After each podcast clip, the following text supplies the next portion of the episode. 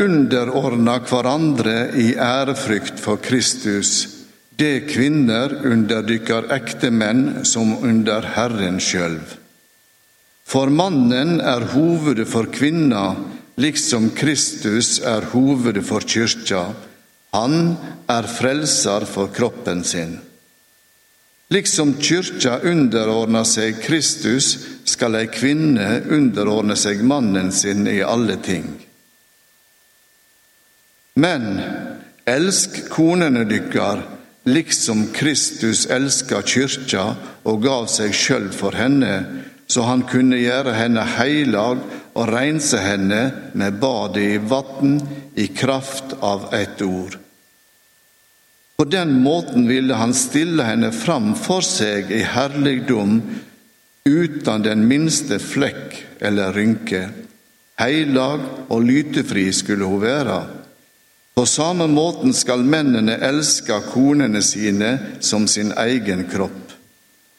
Den som elsker kona si, elsker seg sjøl.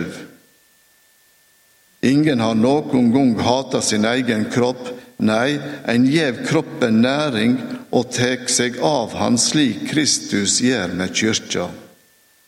For vi er lemer på hans kropp. Derfor skal mannen forlate far og mor og holde fast ved kvinna si, og de to skal være én kropp. Dette er et stort mysterium, og jeg tenker på Kristus og kyrkja. Men det gjelder dykk òg. Hver og en av dykk skal elske kona si som seg sjøl, og hun skal ha respekt for mannen sin. Slik lyder Herrens ord. Skikkelig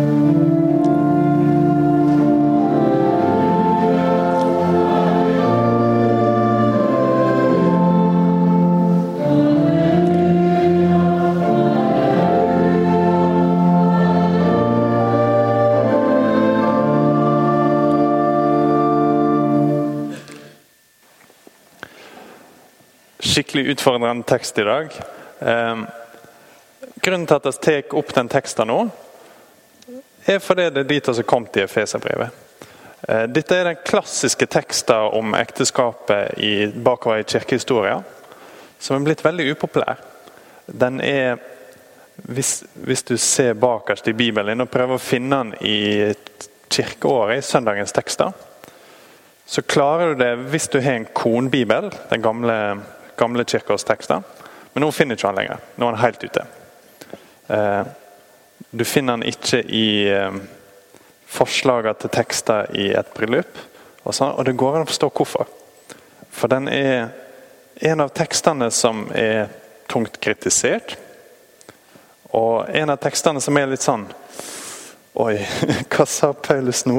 Eh, kan vi hoppe tilbake til eh, nåde og fred og, og sånne ting. Eh, vi kan gjøre det hvis dere vil, men det er en veldig farlig strategi. Vi kan ikke ha en bibel der vi klipper ut eh, de vanskelige tekstene og bare beholder de oss like godt sjøl, eller de som på en måte flyter inn og ut og passer perfekt med det vi tenkte på i dag tidlig, f.eks. For, for hvordan hvordan skal vi kunne ha et personlig forhold til Gud hvis han aldri får utfordre oss? Hvis han bare skal si til oss det vi har lyst til å høre? Så bør vi begynne å være litt nervøse og litt mistenksomme. Kanskje får ikke Gud snakke til oss. Så Derfor skal vi se på denne teksten i dag. og Den handler primært om ekteskapet. Og om Kristus og kirka. Men hvis du ikke er gift, så er det fortsatt en veldig spennende tekst. Det kan være at du har lyst til å bli gift en dag, og at det er nyttig å tenke litt på hva ekteskap er. Og det kan hende du har vært gift, men ikke er det lenger. Av ulike grunner. Og at det kan være ganske tungt egentlig å tenke på ekteskapet. Men det flotte da er at det som ligger i bakgrunnen gjennom hele teksten her, er at det store ekteskapet, og det alle ekteskap her på jorda peker fram til, er forholdet vårt til Jesus. Så Derfor er den teksten relevant for oss alle, og skal se mer på den siste biten etter hvert. Men vi er nødt til å snakke litt om, om de første versene. For Det er lett å henge seg opp der. Det er lett å lese vers 22, f.eks. Det er kvinner under dere ektemenn som under Herren sjøl.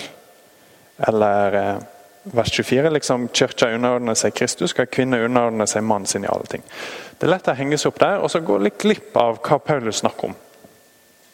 Jeg tror kanskje det viktigste verset er vers 31. Og Det er ganske kjent. Det er et sitat fra første Mosebok 2. Derfor skal mannen forlate far og mor og holde seg fast ved kvinna si, og de to skal være én kropp. Hele teksten handler om enhet. Ekteskapet er en enhet. ikke sant? De to har blitt ett. Og Paulus, Det han snakker om her, er hvordan ser den enheten ut? Hvordan kan det egentlig være ett? For det er ganske vanskelig. Hvordan kan to personer som lever i lag, være ett? Og det er her Han sier de tingene først til kvinner, og så snakker han til menn etterpå. Han sier, For å bruke andre ord på det, så sier han hvis du er ei gift kone, så skal du velge å gjøre deg sjøl avhengig av mannen din. Og Her er det lett å misforstå den, for oss tenker med våre moderne kategorier. Men Paulus snakker ikke her om status eller om rettigheter. Han snakker ikke om posisjoner i arbeidslivet eller sånne ting som oss ganske fort tenker på. Det han snakker om, er ok, du er i Kristus hvis du er gift kone. Du har alle rettigheter. Du er helt fri. Du har all mulighet til å leve et uavhengig liv og til å klare deg sjøl. For du er satt fri av universets herre. Han elsker deg og er din. Faktisk så er du så masse frihet og så masse trygghet i Kristus at du kan velge å legge noe av det vekk. At du kan velge å forplikte deg til mannen din. Og det er ganske kulturelt fornærmende, egentlig. Paulus er kommet inn hit og så har han sagt noe sånt. Ups. Eh,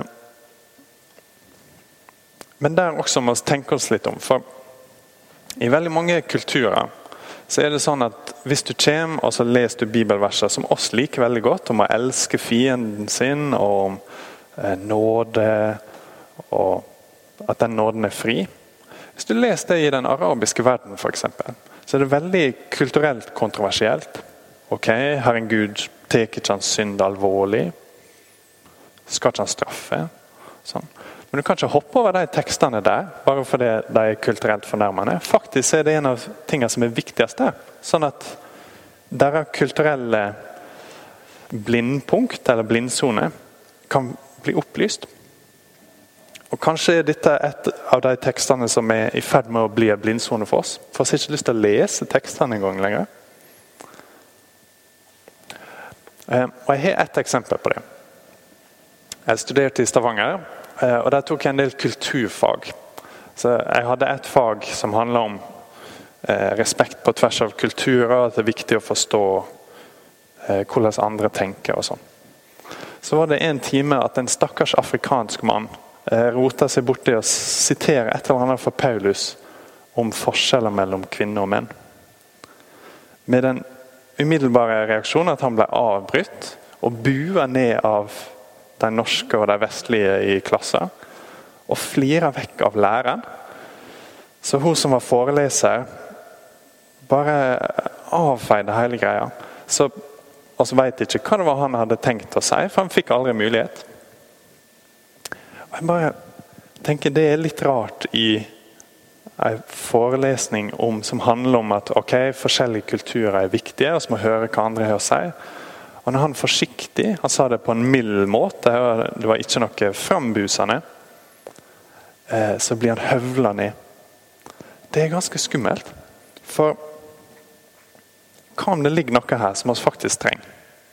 Vi må iallfall høre på hva Paulus har å si. Ok, Men hva betyr det egentlig?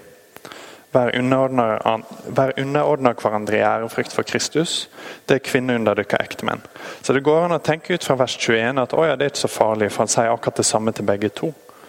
Eh, men det kan ikke være det heller. For hvis dere hadde hatt eh, en bibel Jeg trykte ikke det opp.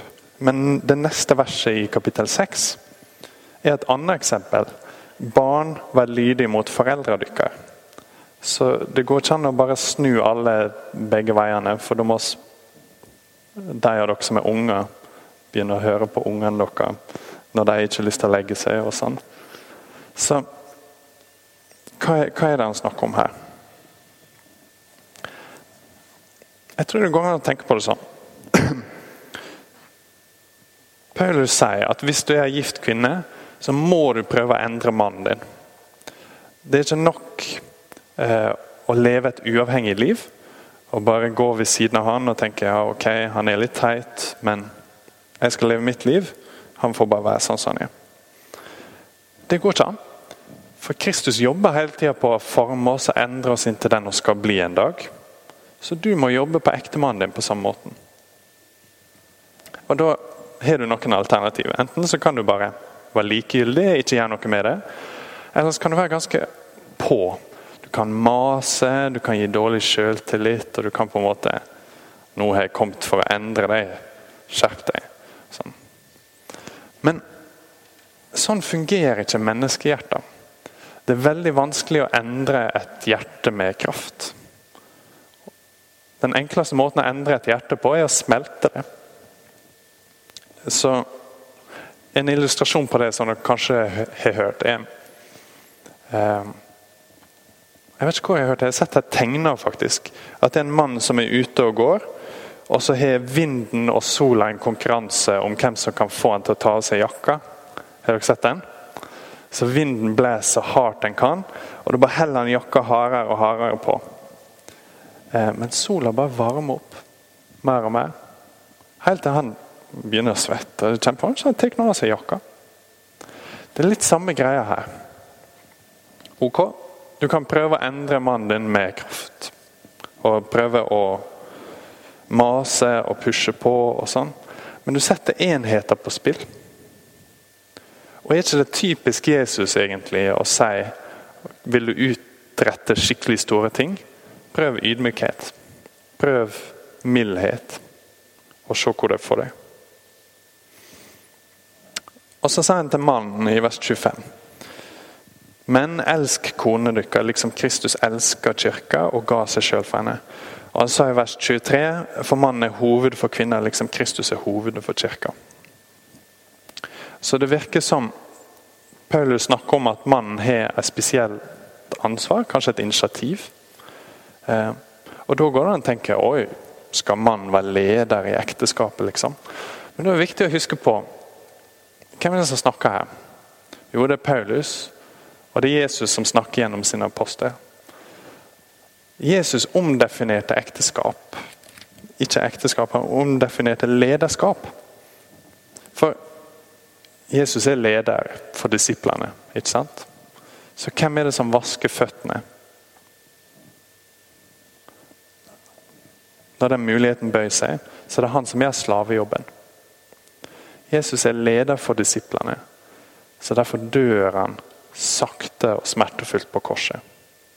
Så Her er det en annen type lederskap. Det er ikke sånn som oss tenker med ok, hvis du er leder, så får du masse privilegier, og du får bestemme. og Sånn, det er ikke det det er snakk om. Her er det snakk om å ta et initiativ for det gode. Et eksempel på det.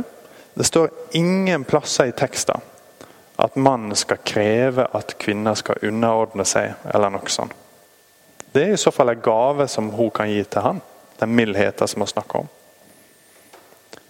Det det står, er at mennene skal elske konene sine, som egentlig er ganske lite kontroversielt.